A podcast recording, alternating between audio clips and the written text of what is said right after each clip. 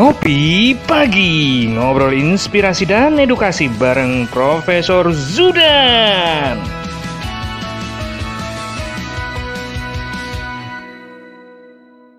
Salam bahagia kerabat desa Indonesia. Selamat pagi. Salam ngopi pagi Bareng Prof. Zudan ngopi dulu. Luar biasa. Pagi ini kita akan mencoba untuk mendengar cerita-cerita tentang bagaimana peningkatan kualitas layanan dari Adminduk yang ada di teman-teman daerah dan uh, tentu saja karena ini acaranya adalah ngopi pagi bareng Prof Yudan, maka harus Prof Yudan yang memberikan pengantarnya. Silakan Prof. Assalamualaikum warahmatullahi wabarakatuh. Selamat pagi, semangat pagi semuanya seluruh kerabat desa di seluruh Indonesia. Selamat berbahagia. Kita bertemu kembali. Seluruh pemirsa TV Desa, juga sahabat-sahabat saya semuanya, warga masyarakat, sahabat Dukcapil, yang terus kita bersama-sama memberikan ruang-ruang untuk bisa melayani masyarakat dengan baik. Sekaligus memanfaatkan dan menggunakan hasil-hasil pelayanan itu untuk Indonesia yang lebih baik. Mas Suryo Koco, sahabatku yang baik hati, yang memberikan banyak waktunya untuk Dukcapil. Nah ini pagi hari ini saya ingin sharing bagaimana pemerintah Pak Jokowi mendorong Kementerian Dalam Negeri, Dukcapil untuk terus melakukan pembenahan-pembenahan dalam melayani masyarakat. Juga Pak Menteri Dalam Negeri yang periode kemarin, Pak Cahyo Kumolo, juga Profesor Tito Karnavian, Pak Menteri Dalam Negeri sekarang ini concern betul dengan yang namanya peningkatan kualitas layanan. Nah, saya ingin kilas balik dulu. Dan melihat bagaimana paradigma pelayanan yang ternyata terus bertumbuh. Kalau kita ingin mengisi cangkir ini, Mas Suryo Koco, dengan air. Pada titik tertentu, airnya penuh kalau airnya penuh, nanti meluber. Itulah yang dikenal dengan teori trickle down effect. Jadi kalau sesuatu sudah meluber, itu akan memberi dampak kepada masyarakat sekelilingnya. Hmm. Nah, inilah yang berbeda dengan paradigma pelayanan itu yang saya rasakan enam tahun terakhir ini mengalami peningkatan harapan masyarakat itu harapannya terus bertambah sehingga kalau gelas ini saya ibaratkan dengan harapan dari masyarakat. Kemudian pemerintah atau Dukcapil itu memenuhi harapan dengan mengisi airnya. Ternyata berapapun isi air itu ditambahkan, nggak akan penuh-penuh. Hmm. Mengapa? Karena ternyata sebelum gelasnya penuh, airnya penuh, gelasnya bertambah tinggi lagi.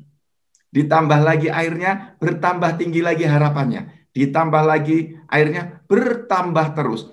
Itu esensinya adalah bahwa harapan masyarakat terhadap kualitas layanan itu semakin lama semakin meningkat. Mari kita kilas balik ke belakang. Dulu pelayanan Dukcapil itu berbayar.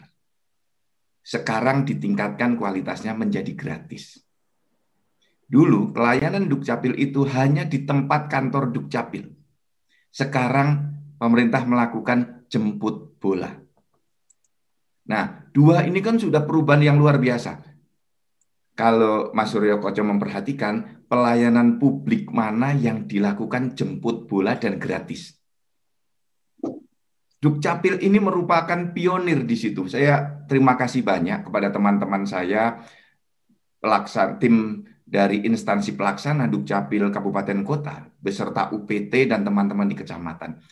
Mas Suryo Koco, pernahkah melihat rumah sakit jemput bola melayani pasien gratis? Event itu kecamatan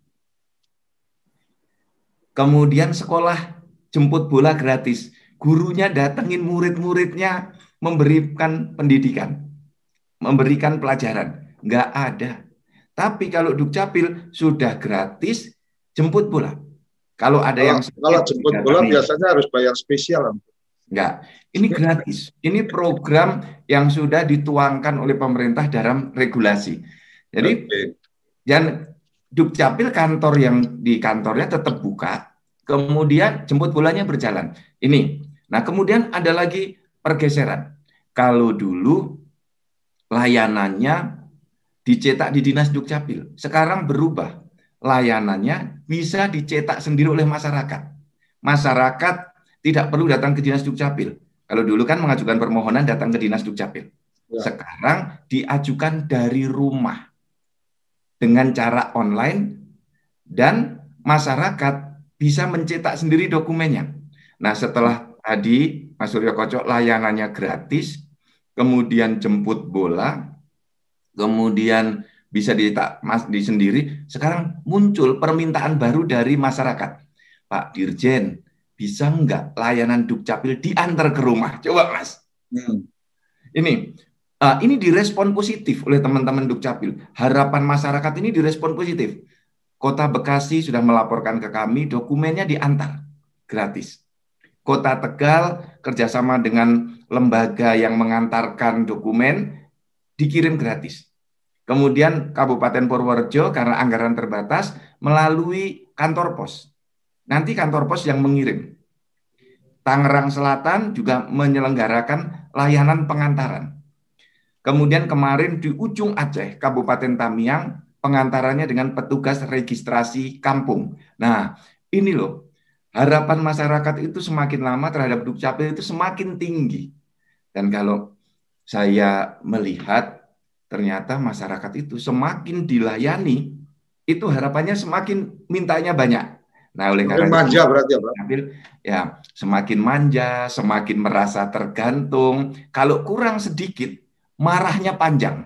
Tulis di Twitter, tulis di Facebook, gitu. Padahal kita sudah ada saluran untuk solusinya di masing-masing dinas dukcapil itu sudah ada nomor call centernya. Nah, semua itu dilakukan dalam rangka peningkatan-peningkatan tadi, perubahan paradigma layanan tadi, ada jemput bola, ada gratis, dokumen diantar, kemudian bisa dicetak sendiri, itu dalam rangka peningkatan kualitas layanan. Nah, ini Mas Surya Koco, saya selalu mendapatkan tantangan baru. Ini ada kelompok Protestan. Saya maaf, ini bukan Kristen Protestan. Kelompok orang-orang yang selalu protes. Tukang protes itu Protestan. Ya, maaf ini bukan bukan dalam rangka agama enggak. Ada kawan saya yang selalu protes. Kalau kemarin kan kita bercerita layanan uh, pindah penduduk tanpa pengantar RT RW. Dia hmm. masih protes. Di RT ku masih pakai, Prof. Nah, itu yang salahkan RT-mu, bukan aturannya. Hmm. Secara sistemnya sudah berjalan. Nah, kalau kemudian jutaan RT sebagai satu RT digunakan tolok ukur, ini kan nggak fair. Saya mengakui tentu saja ada di Indonesia itu sangat beragam-ragam. Bias-bias kebijakan selalu ada. Tetapi kebijakan nasionalnya sudah bisa diberlakukan. Nah itu Mas Ria Kocok pengantar dari saya. Oke Prof.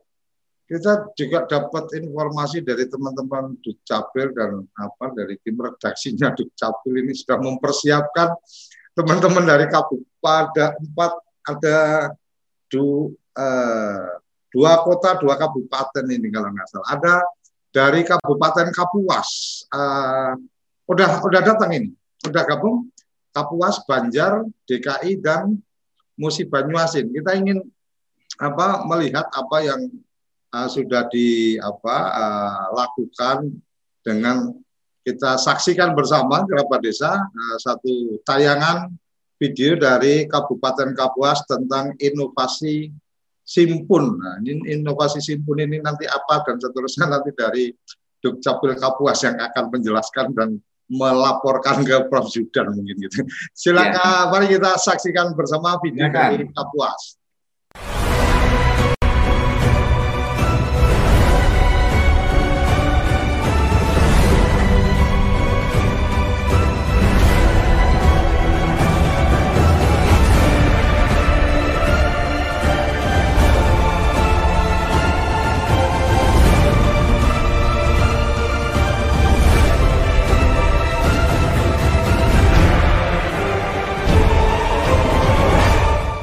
Inovasi Simpun Sendemuhun pelayanan Urastino Sekali turun pelayanan masyarakat mendapatkan semua dokumen kependudukan. Saya Ben Ibrahim Esbahat, Bupati Kapuas, Kalimantan Tengah, memperkenalkan inovasi Simpun, Sinde Mohon Pelayanan Oras Dinon, yang artinya sekali turun pelayanan kepada masyarakat mendapatkan semua dokumen kependudukan sehingga membahagiakan masyarakat. Ini merupakan inovasi yang efektif dan efisien.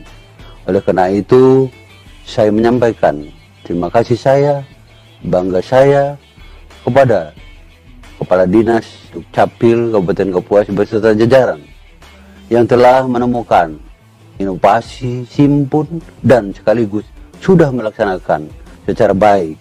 Selamat, tetap semangat, dan berkarya untuk Kabupaten Kapuas, untuk Indonesia yang kita cintai.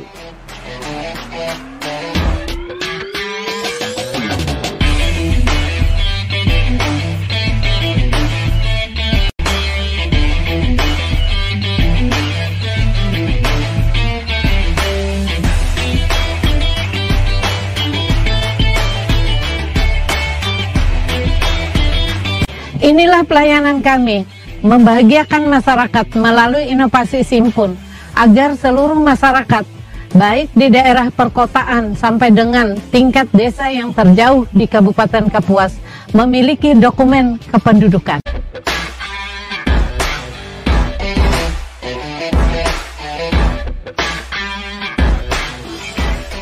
Hari ini saya berbahagia sekali ada inovasi dari Dukcapil Kabupaten Kapuas, inovasi Simpul. Inovasi ini menjawab kebutuhan di lapangan yang saat ini sangat dibutuhkan oleh masyarakat. Dengan inovasi Simpul ini, masyarakat bisa mendapatkan layanan terbaik dari Dinas Dukcapil. Layanan yang membuat masyarakat bisa berbahagia. Mengapa berbahagia? Dinas Dukcapil Kabupaten Kapuas jemput bola, langsung KTP, KK, akte kelahiran, kalau dia pernah menikah dan belum punya akte perkawinan atau dulu masih menikah siri, langsung juga dibuatkan akte perkawinan. Jadi ini adalah model yang bagus. Pelayanan jemput bola dan layanan terintegrasi sekaligus. Jadi memohon satu layanan, misalnya hanya memohon akte kelahiran, langsung anaknya juga dibuatkan kartu identitas anak. Untuk keluarganya juga langsung dibuatkan kartu keluarga. Selamat untuk Kabupaten Kapuas terutama Dinas Dukcapil. Sukses selalu.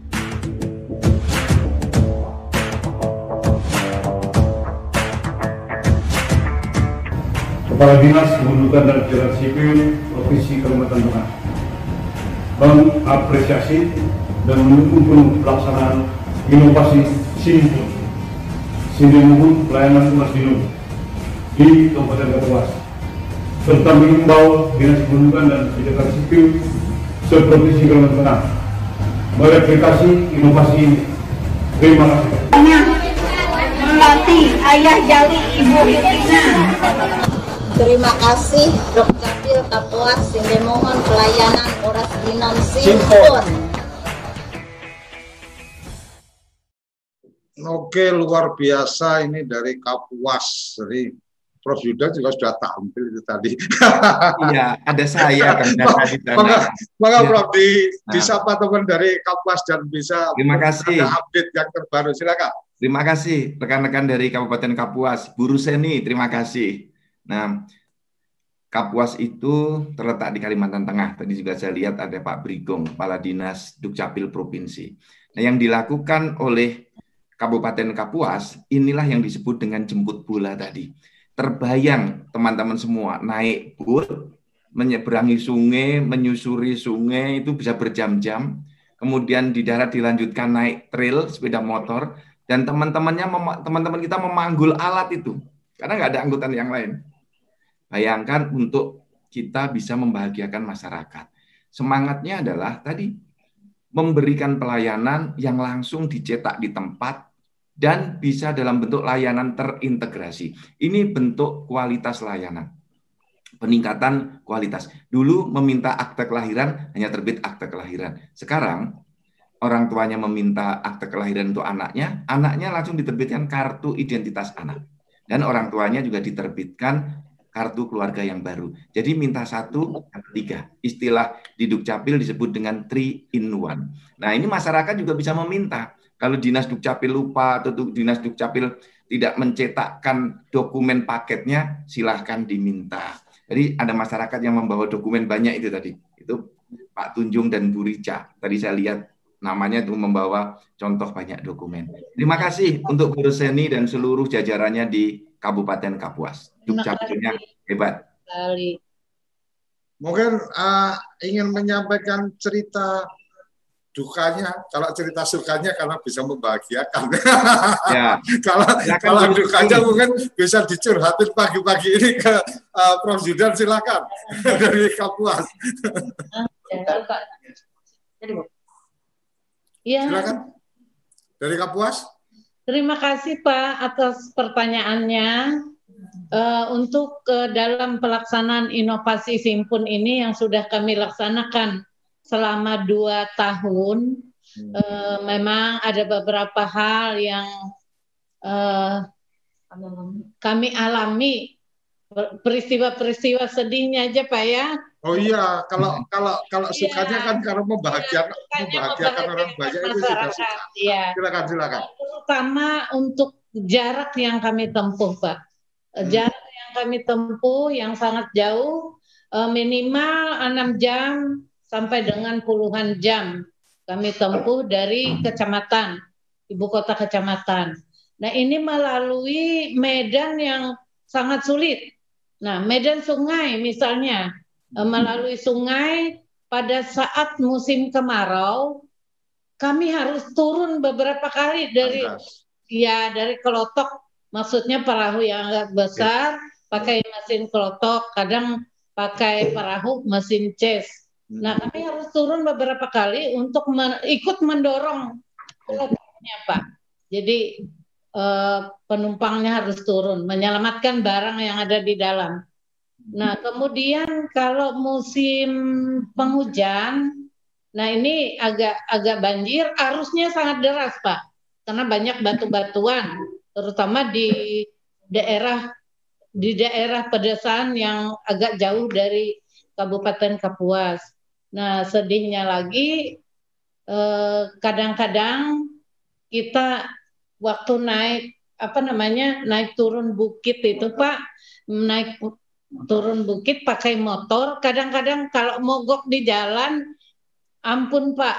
Takut pas di atas takutnya jatuh. Tapi alhamdulillah sampai dengan saat ini tidak pernah ada di kecelakaan ya yang istilah masih masalah kecil mogok itu aja. Kita dorong bersama-sama. Kebetulan uh, pasukan saya ini saya namakan pasukan turbo MPB ya yang gagah kuat di segala medan. Nah sedihnya lagi yang terakhir kami mohon maaf tidak bisa uh, mencapai top 45 jadi itu itu sedih yang terakhir. oh itu sudah bagus Bu dari ribuan proposal Ibu terpilih sebagai 90 terbaik. Itu sudah luar biasa Bu. Tidak banyak yang bisa lolos sampai ke 90 dari ya. 2000 proposal Bu. Terima hanya 9 hanya berapa persen itu? Hanya ya. 0,9 persen. Ya. Untuk ke depan kami akan perbaiki lagi Pak inovasi simpun ini dan inovasi-inovasi lainnya.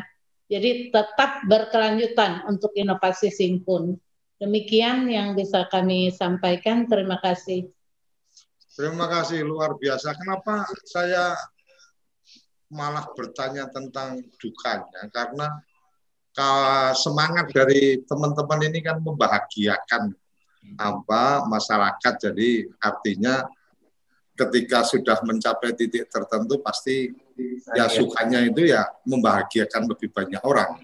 Nah, kenapa perlu uh, saya bertanya tentang dukanya? Karena di forum ini uh, saya berharap banyak kerabat desa yang menyaksikan dan bisa melihat bagaimana uh, perjuangan teman-teman untuk kemudian uh, ingin memberikan pelayanan terbaik. Jadi jangan dengan serta merta kita apa memandang semuanya itu uh, menggunakan uh, baju kita atau dari kacamata kita mungkin uh, kita yang di Jakarta mungkin nggak sah di Jakarta atau mungkin di Semarang atau mungkin di Temanggung tidak akan terbayang dengan bagaimana kesulitan teman-teman di Kapuas namanya karena kalau Kapuas uh, membayangkan jalan sungai, jalan kaki di apa uh, melintas untuk uh, melintas hutan sampai di kampung-kampung, mungkin sedikit saya bisa membayangkan karena pernah ada satu waktu kita ada penelitian di apa di Batu Ampar, Kalimantan Kalimantan Timur uh, waktu itu.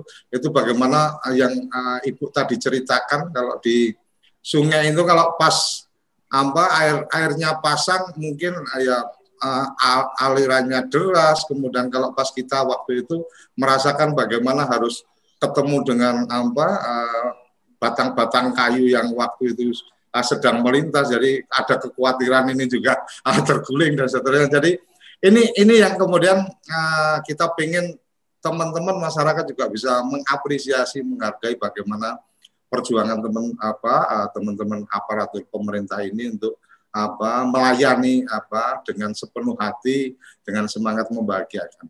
Jadi uh, Prof mohon maaf ini saya terus memancing bagaimana dukanya supaya teman-teman ini tahu ya. Kira-kira kayak gitu Betul. walaupun kemudian Betul, juga mas. apa saya jadi ikut sedih juga membayangkan ya. apa bagaimana Betul, Mas Teman-teman bahkan pernah perahunya terbalik itu sering.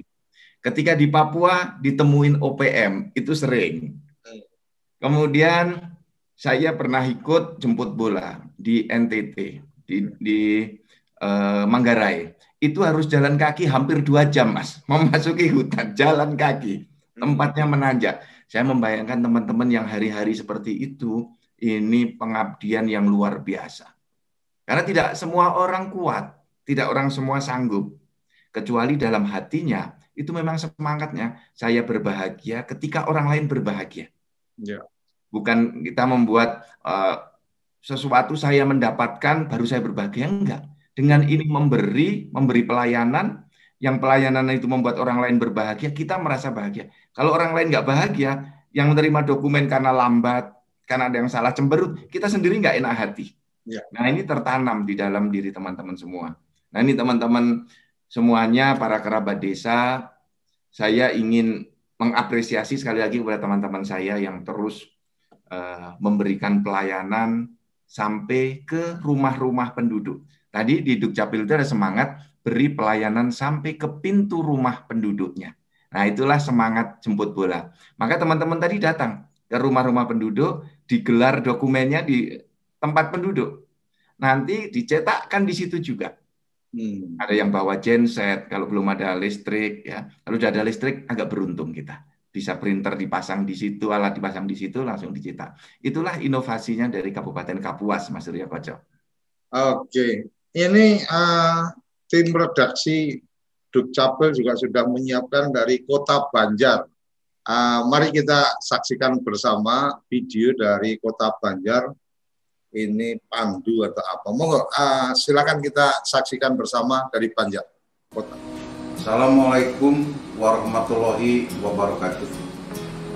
Alhamdulillah, puji dan syukur kami panjatkan ke derat Ilahi Robi. Salawat dan salam agar selamanya dilimpahkan kepada junjungan alam Nabi Agung Muhammad Sallallahu Alaihi Wasallam.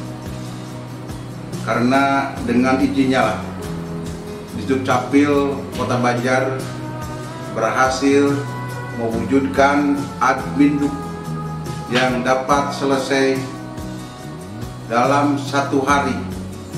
Yang kami sebut dengan istilah pandusari. Pelayanan adminuk selesai dalam satu hari. Pandusari mencakup pelayanan kartu keluarga KTP elektronik kartu identitas anak akta kelahiran, akta kematian, akta perkawinan, dan lain sebagainya. Panusari melayani layanan two in one, KK dan KTP. Ada lagi three in one, KK, akte kelahiran dan kartu identitas anak. Four in one. Kartu keluarga, KTP, kartu identitas anak, akta kelahiran. Keberhasilan ini merupakan buah kerja keras dan kerja cerdas dari seluruh keluarga dinas pendudukan dan uh, catatan sipil Kota Banjar. Baik dari front office sampai dengan back office. Oleh sebab itu saya mengucapkan banyak terima kasih kepada seluruh keluarga besar yang telah bahu membahu memberikan layanan terbaik sesuai pesan dari Bapak Dirjen untuk senantiasa membahagiakan masyarakat. Semoga capaian ini menjadi motivasi lebih untuk terus berinovasi dalam memberikan pelayanan terbaik demi membangun masyarakat. Wassalamualaikum warahmatullahi wabarakatuh.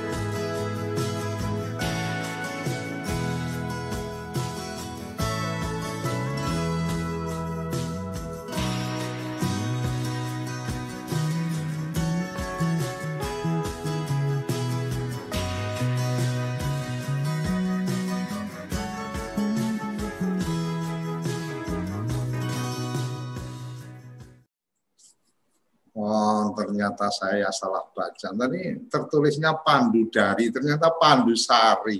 Oke, luar biasa. Uh, dari Kota Banjar ada? Ada Pak. Oke, monggo berbagi cerita tentang Pandu Sari. Betul Pandu Sari ya tadi ya? Betul, betul, betul. Ya, monggo, monggo silakan. Assalamualaikum warahmatullahi wabarakatuh. Waalaikumsalam. Selamat pagi Pak Suryo Koco, selamat pagi Pak Dirjen, Alhamdulillah pagi hari ini mohon izin saya mewakili Pak Kadis, kebetulan Pak Kadis eh, menghadap Ibu Wali Kota. Kami di Kota Banjar, Alhamdulillah saat ini sudah melakukan pelayanan eh, one day service. Jadi semua dokumen satu hari selesai. Itu kita laksanakan sejak tahun 2018. Pak. Hmm. Begitu Pak Dirjen berkunjung ke kami, memotivasi kami betul-betul untuk memberikan layanan yang uh, excellent kepada masyarakat ya supaya bisa dokumen semuanya bisa selesai satu hari. Dan alhamdulillah sejak dulu kita sebetulnya sudah melaksanakan uh, pelayanan administrasi kependudukan ini selesai satu hari.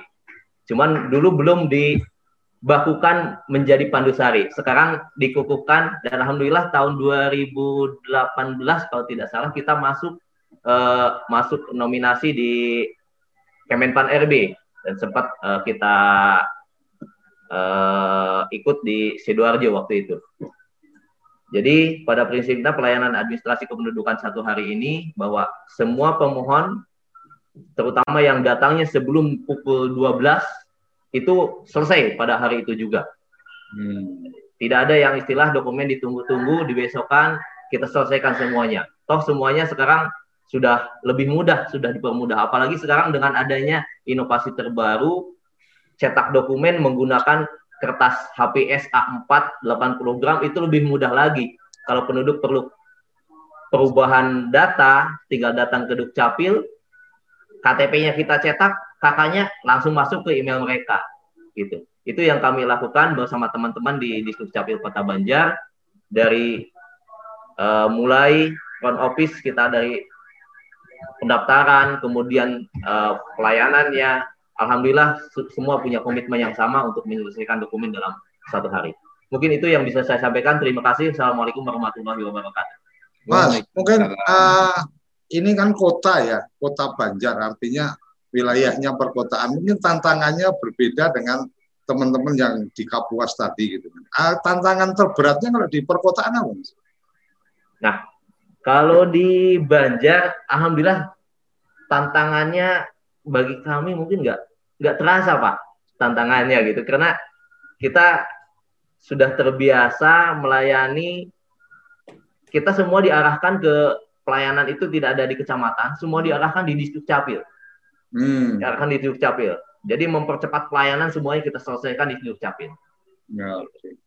Oke, kalau kota kabupaten pasti tantangannya lebih banyak yang di kabupaten. Tapi, betul, betul. Uh, oke, oke. Silakan, uh, Prof Judan ini kayaknya hmm. dari apa yang disampaikan tadi ini, Prof Judan ini masanya sebagai mentor juga motivator, jadi luar biasa sekali karena sekali didatangi terus langsung terpacu, langsung membuat satu apa target, kemudian uh, bagaimana langsung merencanakan, mengeksekusikan dan seterusnya. Silakan, Prof. Ya, uh, Mas Iwan, juga Pak Nana dari Banjar. Saya sudah datang ke Tasikmalaya, satu pak satu jalur pada waktu itu saya datangi.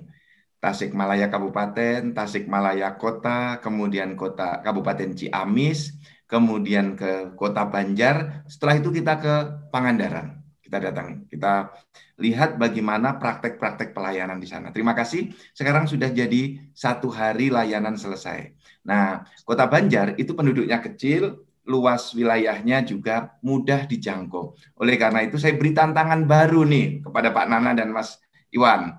Jadi dari program ini kalau di nasional kan disebut dengan semedi. Ini Mas Surya Koco, rekan-rekan, semedi, layanan sehari mesti jadi. Nah, yang layanan di Dinas Dukcapil kita dorong sehari semua mesti jadi. Ada sih daerah-daerah yang padat penduduknya sehari belum jadi ada. Tapi kita dorong bagi daerah-daerah yang penduduknya sedikit sehari mesti jadi. Tapi kalau untuk Kota Banjar tantangannya baru nih Mas Iwan. Semedi itu menjadi sejam mesti jadi. Wah, ini akan tambah bagus kalau bisa. Datang ke Dinas Dukcapil sejam ditunggu. Kenapa? Bisa, karena sekarang dokumennya bisa dicetak sendiri oleh penduduknya. Kan begitu. Jadi ngajukan dokumen, terus beritahu, Pak, sejam lagi Bapak bisa cetak sendiri di rumah Bapak. Sejam kemudian bisa dicetak sendiri karena dikirim dengan file PDF ke alamat email penduduknya. Itu Mas Rio Koco, tantangan barunya. Karena apa? Masyarakat selalu bertambah harapannya. Semangatnya, kalau dulu, waktu masih Undang-Undang 23 2006 itu kan SOP-nya 14 hari. 14 hari dulu Mas Suryo Koco. 14 hari masyarakat nggak ada masalah 14 hari dulu. Sekarang diberi satu hari, apalagi yang empat hari lima hari marah ini masyarakat. Kok lama? Karena sudah ada contoh yang bisa satu hari. Nah besok pasti ditagih lagi. Bisa nggak lebih cepat dari satu hari? Sejam. Insya Allah, Pak. Nah, Insya Allah, Ye. Terima kasih, Mas Iwan. Ya, sama-sama, okay. Pak luar biasa ternyata nggak salah saya apa TV desa dapat anugerah bisa ngopi pagi bareng Prof Judan karena ternyata selain dirjen juga sebagai mentor dan motivator yang luar biasa. Oke, uh, kita akan berlanjut dengan dua lagi provinsi. Oh ini satu provinsi Alpukat Betawi sama Kabupaten Musi Banyuasin pelayanan Dukcapil online. Jadi kita akan melihat di Provinsi DKI dan Musi Banyuasin. Tapi setelah yang satu ini karena kita mesti ngaduk kopi kita supaya lebih segar. Jangan ke mana-mana, tetap di Ngopi Pagi bareng Prof. Zidan. Kamu tinggal di pulau terpencil, pegunungan pinggiran kota, atau daerah di Indonesia yang tidak terjangkau jaringan fiber, ADSL, dan juga 3G. Internetan dengan cepat pasti cuma akan menjadi mimpi.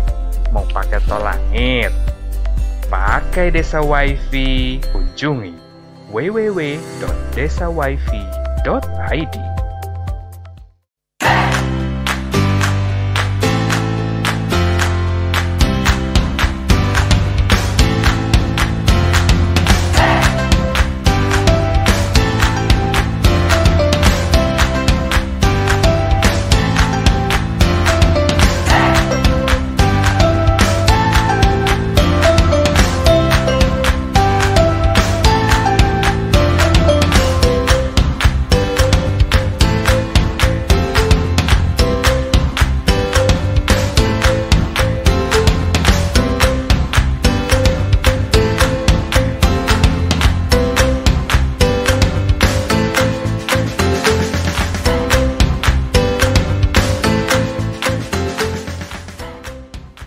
tokoig.id, toko Instagramnya orang Indonesia.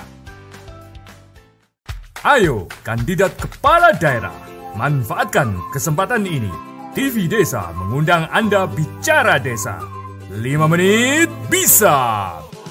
Bicara Desa. Sebuah program tayangan monolog, konsep membangun dari desa. Dari kandidat untuk masyarakat. 5 menit bisa. Bicara Desa. Hanya di TV Desa.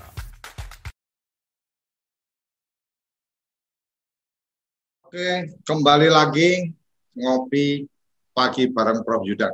Prof, sebelum kedua yang lain, saya akan bacakan ada, kalau di chatnya YouTube Dukcapil ini kayaknya uh, jadi motivasi, jadi uh, komentar-komentarnya, saya nggak perlu membacakan.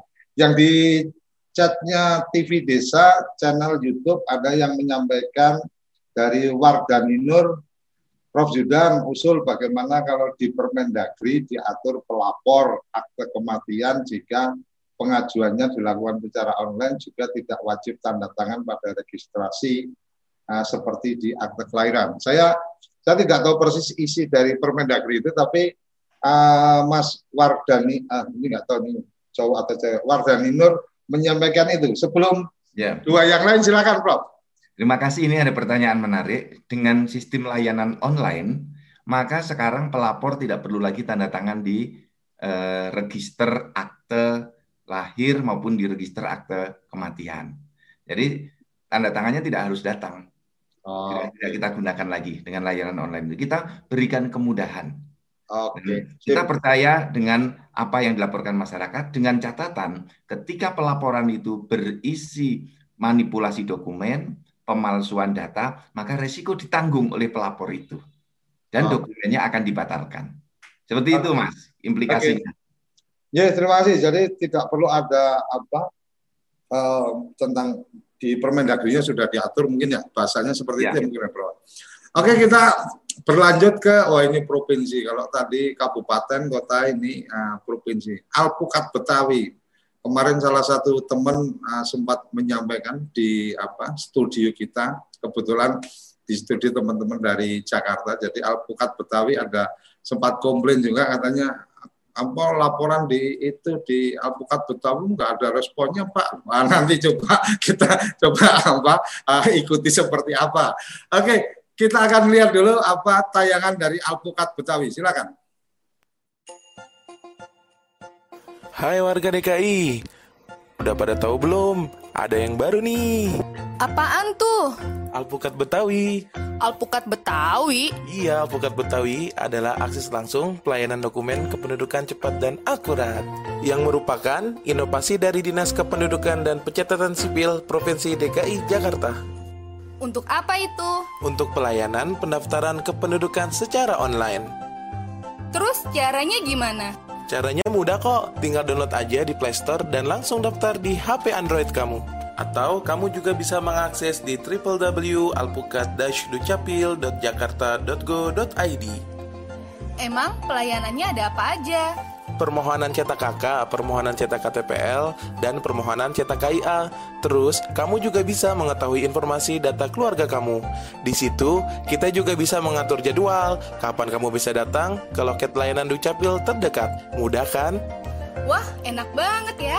Jadi kita nggak perlu antri dan menunggu lama untuk memperoleh pelayanan kependudukan. Urus dokumenmu jadi lebih mudah. Oke, urus dokumenmu jadi lebih mudah pakai alpukat Betawi. Alpukat saya sukanya alpukat serut. Jadi kalau di kampung dulu alpukat diserut, kocok pakai sendoknya itu kasih gula dikit udah nikmat luar biasa. Itu Ini alpukat temanggung itu. Iya, temanggung. Oke, uh, dari Betawi dari DKI ada berbagi cerita tentang alpukat Betawi. Mbak Diana ada yang dari DKI? Ada Pak, Pak Kadis ya, Pak Dani Sukma. Pak Kadis, monggo. Silakan Pak Kadis. Pak, monggo bahasa Jawa ini. Pak Kadis, silakan berbagi cerita tentang alpukat Betawinya. atau dari Sudin-Sudin juga ada Pak. Silakan, ada yang ingin apa uh, menyampaikan? Saya dari raise hand dulu. Oke, dari Betawi, dari DKI, ibu kota, ibu kota negara. Jadi daerah khusus ibu kota ini memang harus jadi sangat spesial. Tadi sih bergabung Pak. Silakan, Bapak. Itu Anda Ya, sudah. Silakan. Ya. ya. Baik, uh, baru di unmute. Silakan. Baik, terima kasih yang saya hormati Pak Suryo, Pak Dirjen, kemudian sahabat desa yang saya hormati terkait dengan alpukat Betawi sesungguhnya ini merupakan satu alternatif terkait dengan layanan yang ada di DKI. Sebelumnya kita juga masuk nominasi di kompetisi inovasi pelayanan publik terkait layanan terintegrasi dengan fasilitas kesehatan. Alhamdulillah dengan fasilitas kesehatan kita juga sudah uh, sebanyak 150 fasilitas kesehatan yang ketika warga lahir di sana sudah mendapatkan paket layanan dokumen pendudukan seperti yang Pak Prof Judan sampaikan. Jadi kita tidak ada layanan satuan-satuan tetapi sudah terintegrasi. Ya. Dan itu sudah berkembang. Artinya ketika masyarakat lahir di tempat yang sudah bekerja sama, alhamdulillah mereka pulang sudah membawa paket dokumen kelahirannya. Kemudian itu tidak cukup, kita juga menghadapi persoalan pada saat itu banyak warga Jakarta yang memiliki tingkat kesibukan yang tinggi dan sangat melek terhadap teknologi. Makanya ya. kita berikan lagi satu alternatif supaya mempermudah warga dalam mengakses layanan. Coba kita buat layanan online. Makanya di tahun 2018 coba kita uh, develop terkait dengan aplikasi Alpukat Betawi, akses langsung pelayanan yang cepat dan akurat. Jadi ini diwadah, mewadahi seluruh uh, warga Jakarta yang jumlahnya sudah 11 juta penduduk.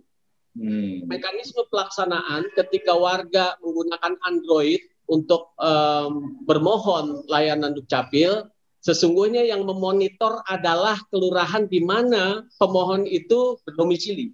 Jadi yang hmm. memonitor itu 267 kasatpol memonitor di back office untuk mela, apa untuk menindaklanjuti layanan yang ada di uh, eh, DKI Jakarta.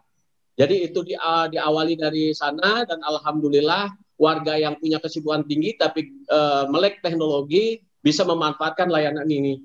Terlebih pada masa pandemi Covid semakin meningkat. Artinya kebijakan transformasi layanan yang membahagiakan dari Kementerian Dalam Negeri melalui Dukcapil kita respon, kemudian kita coba kaitkan dengan karakteristik kolaborasi Jakarta, jargon di Jakarta, kolaborasi Jakarta, kemudian kita kembangkan bersama dengan berbagai institusi pemerintah dan swasta itu membangun suatu sistem yang terintegrasi. Nah, terkait dengan layanan ini, alhamdulillah kita juga coba untuk terus melakukan pengembangan-pengembangan. Seperti yang disampaikan mungkin tadi ada kendala-kendala teknis kenapa lama. Kadangkala ketika teman-teman Kasatpol sudah merespon, tidak sabar sudah disapit, disapit ulang, disapit ulang sehingga berulang, berulang-ulang, nah, sehingga di situlah timbul karena setelah dievaluasi di sistem itu banyak sekali yang tidak direspon, ternyata karena berulang-ulang tadi persoalannya gitu. Dan ini hmm. kendala-kendala yang menurut saya perlu kita perbaiki terus ke depannya. Kita tidak alergi terhadap masukan karena inilah cerminan yang nyata terhadap pelayanan di DKI. Pertanyaannya ketika memang tidak bisa mengakses layanan di fasilitas kesehatan, kemudian layanan secara online, kita sudah turunkan kewenangan penandatanganan dokumen dengan menetapkan pejabat pencatatan sipil yang ada di kelurahan. Oh, okay. ya, jadi memang sesuai dengan persyaratan yang sudah terpenuhi, mereka berhak untuk menjadi PPS. Sehingga ketika warga Jakarta memang tidak mengakses, silahkan datang ke kelurahan. Di kelurahan bikin akte kelahiran bisa langsung dieksekusi. Bikin akte kematian saat itu juga dieksekusi. Makanya kita targetkan ketika persyaratan lengkap, persyaratan lengkap sudah nyatakan oke, okay, target satu jam sejak itu diverifikasi dan diinput harus dituntaskan dan itu bisa kontrol secara sistem. Secara sistem kita bisa mengontrol mana petugas kita di 267 kelurahan yang belum bisa melaksanakan satu jam atau lebih dari satu hari saja itu sudah kita anggap merah. Ketika merah, kita akan panggil kita BAP untuk mencari titik persoalannya ada di mana. Dan ini akan terus kita perbaiki layanan kita. Jadi uh, memang satu jam diambil ketika dokumen itu diinput. Kemudian segmen keempat adalah bagi memang orang yang tidak bisa mengakses layanan di rumah sakit atau di puskesmas atau di klinik mandiri bidan, karena kita sudah terintegrasi dengan sampai ke bidan-bidan, kemudian juga layanan online, maka kita akan lakukan segmen keempat layanan jemput bola, terutama untuk kelompok rentan. Bagi yang memiliki keterbatasan secara fisik, orang sakit, kaum difabel, Nah ini yang kita akan datangi langsung ke sana. Jadi empat segmen ini mudah-mudahan bisa menjangkau layanan uh, yang dibutuhkan oleh masyarakat. Terlebih saat ini alhamdulillah kita diberikan kemudahan dengan layanan berupa PDF. Jadi masyarakat akan semakin dikit yang datang ke eh, kelurahan-kelurahan, kecamatan atau ke sudin dan dinas. Yaitu salah satu gambarannya, tapi ini indah, saya yakin banyak persoalan-persoalan yang dihadapi dan kita menerima dengan lapang dada sebagai bentuk perbaikan ke depan yang lebih baik lagi. Gitu Pak Suryo. Terima kasih. Oke, Pak Kadis, uh, Jakarta dengan tingkat pendidikan masyarakat mungkin lebih daripada yang lain, kemudian uh, tingkat ekonominya mungkin lebih daripada rata-rata tempat yang lain.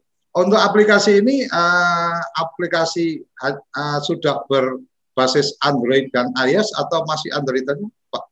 Pak ya, sementara untuk sekarang kita masih menggunakan Android. Tapi ke oh. depan kita sedang menjajaki uh, pendekatan dengan iOS kira-kira bisa untuk dikembangkan lagi. Jadi semua pengguna selain Android dengan iOS itu bisa juga mengakses layanan ini. Ini masih berlangsung, mudah-mudahan akan terus ada perbaikan-perbaikan ke depannya Pak Suryo.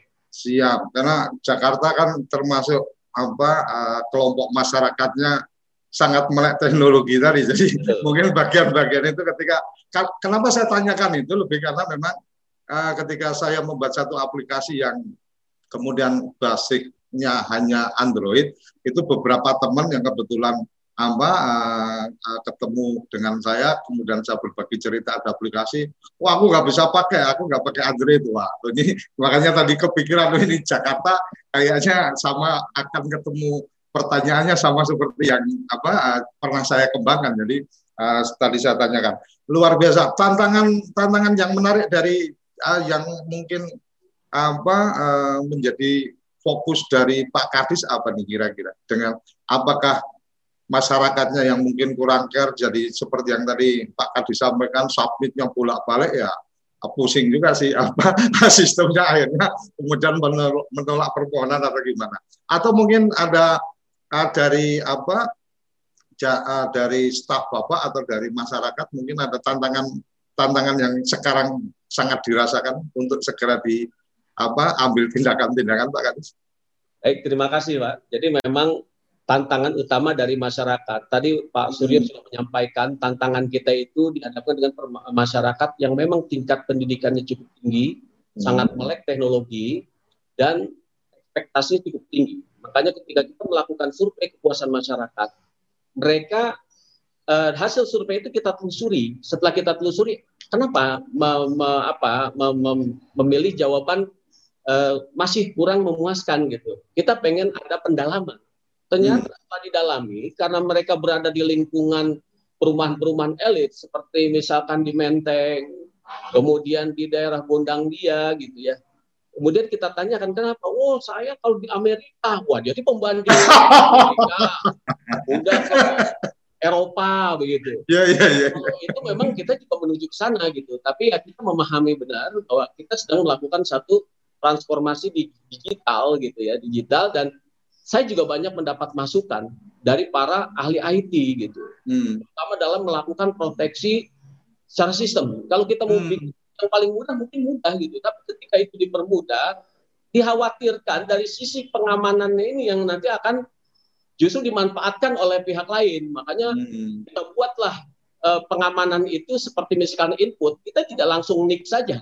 Hmm. Mungkin yang kedua, ketika mereka melakukan input nick, kita juga pengen me me me meyakinkan bahwa yang diinput itu orangnya adalah itu, yang bukan Ah, orang orangnya yang bersangkutan. Makanya kita minta coba di di, di, di apa dilakukan eh, perekaman wajahnya seperti apa, selfie-nya seperti apa dengan KTP-nya cocok atau tidak gitu ya.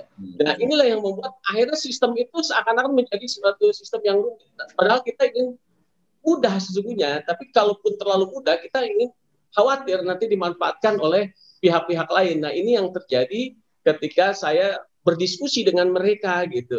Itu salah satu tantangan. Yang kedua, transformasi digital kami juga menyadari perlu ada pemahaman yang utuh terhadap petugas-petugas kita yang ada di eh, jajaran kelurahan, kecamatan, sampai ke tingkat dinas. Caranya bagaimana?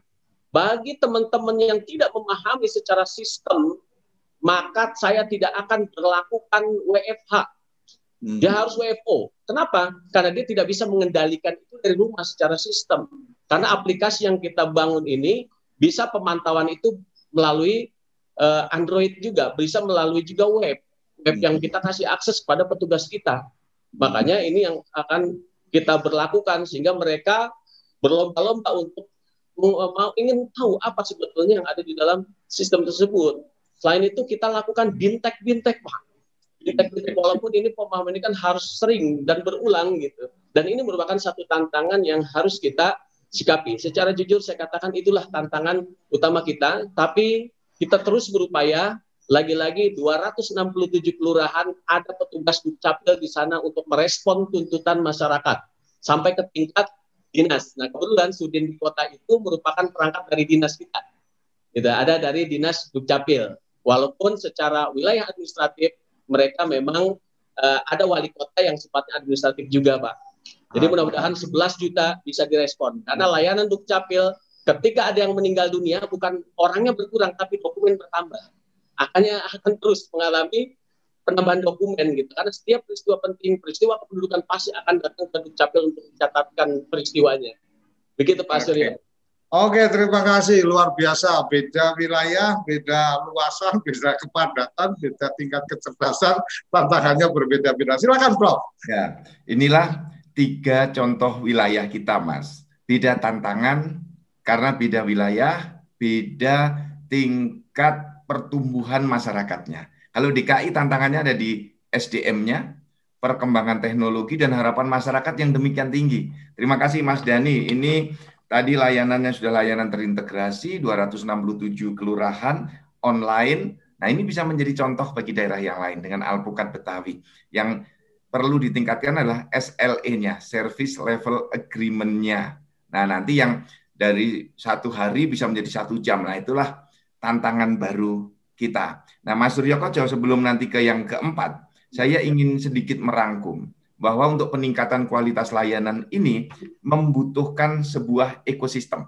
Ini pendekatannya ekosistem. Jadi kalau kita melihat peraturan Menteri Dalam Negeri nomor 19 tahun 2018 ada sekurang-kurangnya enam layanan yang harus ditingkatkan kualitasnya karena ini yang paling banyak yaitu layanan KK, KTP, akte lahir, akte mati, akte kawin, dan surat pindah. Daerah silahkan menambah layanan yang lain yang juga dibutuhkan, misalnya kartu identitas anak. Nah, Dinas Dukcapil harus berbuat apa? Ini Dinas Dukcapil, satu, siapkan call center. Pak Dani sudah punya. Daerah-daerah juga menyiapkan call center dengan uh, nomor handphone masing-masing boleh. Yang kedua, setiap dokumen yang sudah dicetak wajib diumumkan. Diumumkan di Facebook, di Instagram, lewat Twitter, diumumkan lewat websitenya, kerjasama dengan RRI, boleh. Diumumkan sampai ke RT RW disurati, boleh.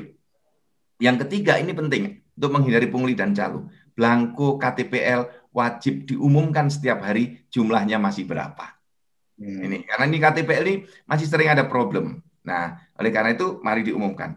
Nah, kemudian unsur yang ketiga, penduduknya harus berbuat apa? Karena yang dilayani penduduk. Penduduk juga harus berbuat aktif. Kalau dokumennya belum selesai, segera lapor ke Dinas Dukcapil.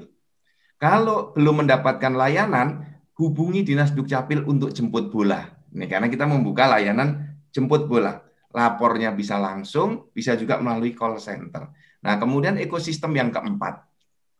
seperti pimpinan lembaga, kepala sekolah, kepala kantor. Ini kita mendorong agar kepala sekolah yang anak-anak SD TK-nya belum punya akte kelahiran, beritahu kami. Kami akan jemput bola untuk membuatkan akte kelahiran. Kampus-kampus, para rektor yang mahasiswa belum punya KTP, undang Dukcapil untuk jemput bola di sana. Termasuk petugas lembaga pemasyarakatan, Mas. Karena ini napi-napi kan juga perlu dokumen. Nah, kami akan jemput bola ke sana. Inilah pendekatan ekosistem. Terima kasih semuanya, teman-teman. Kita melakukan peningkatan kualitas layanan dengan meningkatkan apa dokumen yang harus kita tingkatkan. Setidak-tidaknya enam dokumen tadi. Yang kedua, Dinas Dukcapilnya harus proaktif ya call centernya disiapkan, dokumen yang sudah selesai diumumkan, belangko KTPL-nya diumumkan setiap hari dan harus punya nomor handphone pengaduan. Nah, masyarakat juga harus aktif. Kalau dokumennya belum selesai, lapor ke Dinas Dukcapil. Nah, kemudian kepala lembaga, kepala kantor, kepala sekolah, rektor, hubungi Dinas Dukcapil untuk kami jemput bola. Kami akan melayani Bapak dan Ibu semuanya. Oke. Prof masih ada satu lagi nih musi Banyuasin kita saksikan bersama kerabat desa dan uh, sahabat-sahabat Dukcapil kita ikuti video dari musi Banyuasin.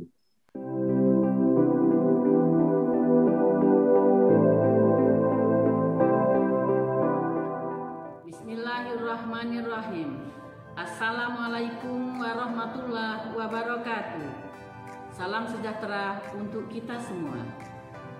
SIP Oke Muba Sistem Informasi Pelayanan Online Kependudukan Musi Banyu Asin merupakan inovasi Dinas Kependudukan dan Pencatatan Sipil Musi Banyu Asin di tengah pandemi COVID-19.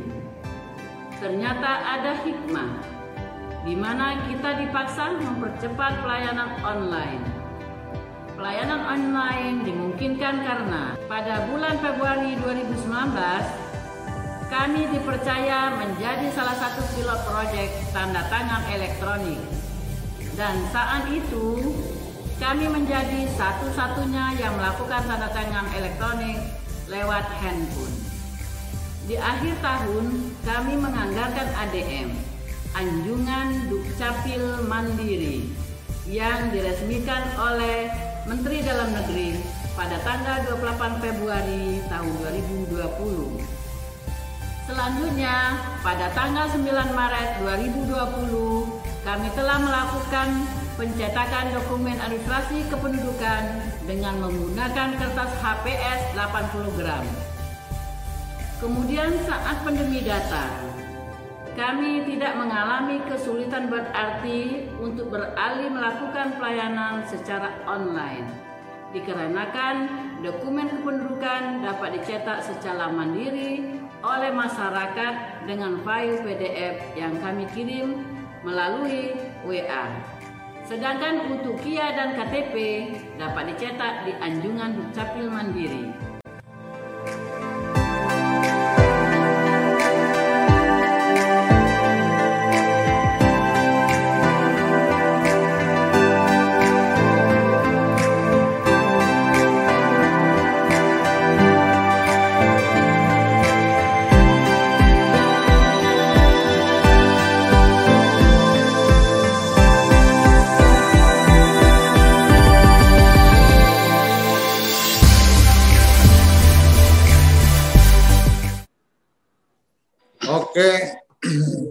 maaf dari uh, musi Banyu Asin karena waktu kita jadi paling tidak bagian depan sudah tersampaikan. Nanti teman-teman bisa mengakses di uh, channel YouTube karena kami juga dapatnya dari channel YouTube. Dari musi Banyu Asin? Halo? Halo. Ya Selamat Ibu. pagi. Pagi.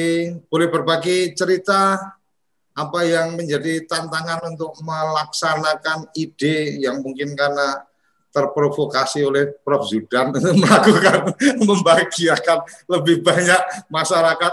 Silakan Ibu. Asmarani. Siapa?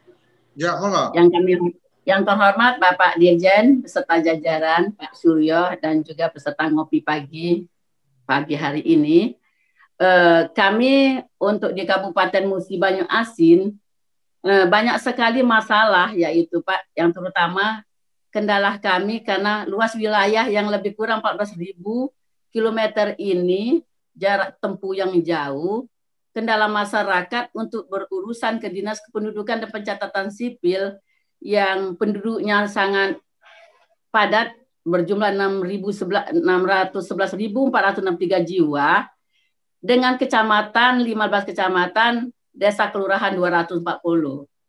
Di sini untuk wilayah yang jauh yang di perairan untuk mengurus kependudukan ke dinas pencatatan sipil sangat sangat sulit dengan biaya yang sangat mahal. Maka dari Kabupaten Musi Banyu Asin kami selalu untuk jemput bola sudah lama kami laksanakan karena ini untuk mengambil data yang ada di desa atau di kelurahan yang sangat jauh, jarak tempuh yang mahal, sehingga kami langsung jemput bola sampai ke masyarakat yang di ujungnya itu suku anak dalam, suku terasing. Karena yang masyarakat di suku anak dalam sudah masuk ke desa-desa untuk membuat administrasi kependudukan. Mereka tidak ada buku nikah. Sehingga saya hubungi ke Pak Dirjen bertanya bagaimana untuk mengurusi administrasi kependudukan untuk suku anak dalam. Kebetulan Kepala Desa dan Kadus hadir di depan saya langsung mendengar jawaban dari Pak Dirjen bahwa harus dibuat diisi F101 ditandatangani kepala desa. Nah, Alhamdulillah semua suku anak dalam yang sangat terpencil sudah kami buat administrasi kependudukan mereka dari KK, KTP, akte kelahiran. Karena mereka juga sama dengan kita, anak-anaknya sudah banyak yang sekolah dan malah menikah dengan dengan orang penduduk setempat. Maka administrasi kependudukan Pak harus kita tertibkan. Alhamdulillah semua berkat gigi setap dari Dinas Kependudukan dan Pencatatan Sipil Kabupaten Musi Banyu Asin yang selalu ke lapangan untuk jemput bola, semuanya administrasi sudah lengkap. Uh, untuk kartu identitas anak, kami selalu bekerja sama karena ada ini perjanjian kerjasama MUU dengan dinas pendidikan, maka kami selalu mensosialisasi baik di SMA, SMP sampai ke tingkat taman kanak-kanak. Sehingga untuk administrasi ke kartu identitas anak sudah banyak yang membuat kartu identitas anak. Eh, kendala lain untuk surat pindah, umpama yang pindah dari daerah asal yang jauh, tidak ada biaya untuk kepengurusan. Sehingga kami berusaha membantu, kami buatkan surat ke daerah asal, kami bantu untuk kepindahan penduduk yang dari jauh pindah ke Musi Banyu Asin yang mereka sudah lama tinggal di Muba tapi belum ada surat pindah. Nah, Alhamdulillah karena kami banyak kedatangan dari luar Sumatera Selatan, baik transmigrasi maupun perkebunan, eh, maka semuanya sudah tercover untuk administrasi sudah kami bantu, Pak. Oke. Ya. Oke, Ibu, terima kasih untuk apa uh, informasi-informasinya. Sayang sekali waktu kita sangat terbatas. Prof, silakan closing statement sekaligus mungkin memberikan respon dari uh, Musi Banyuasin. Ya, terima kasih Mas Suryo Koco, seluruh kerabat desa yang berbahagia, tim TV Desa, serta kawan-kawan saya di Dukcapil, Mbak Diana dan teman-teman semuanya, tim media. Hari ini nggak terasa Mas Suryo Koco sudah jam 8 lebih ini. Ya, udah melewati. Silakan. Asin ada tiga tadi yang dikembangkan. Satu layanan online, yang kedua bisa online karena sudah menerapkan tanda tangan digital. Ini generasi pertama, tanda tangan digital Musi Banyu Asin, dan yang kedua menerapkan anjungan Dukcapil Mandiri. Walaupun jauh di sana, di Musi Banyu Asin itu berjam-jam dari Palembang, tapi sudah menerapkan layanan digital. Terima kasih Bu Asmarani, juga seluruh teman-teman semua. Mari terus kita melakukan masyarakat.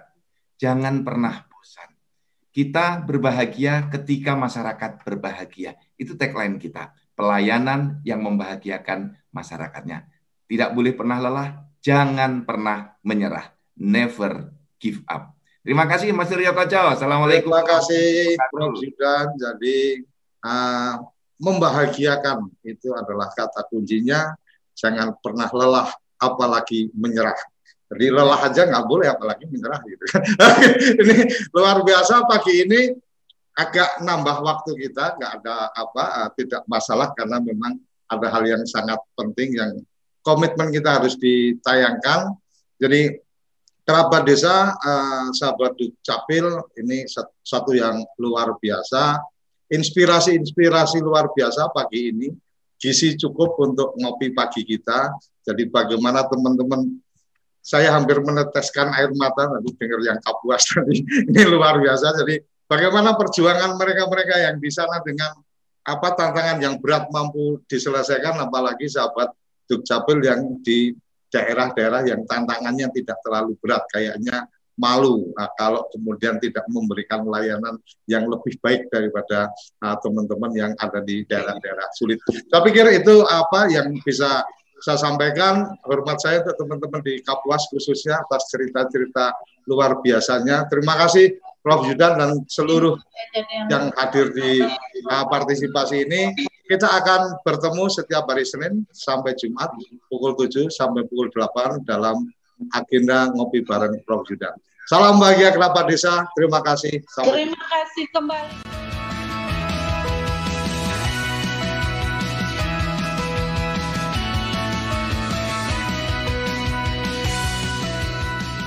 Ngopi Pagi, ngobrol inspirasi dan edukasi bareng Profesor Zudan.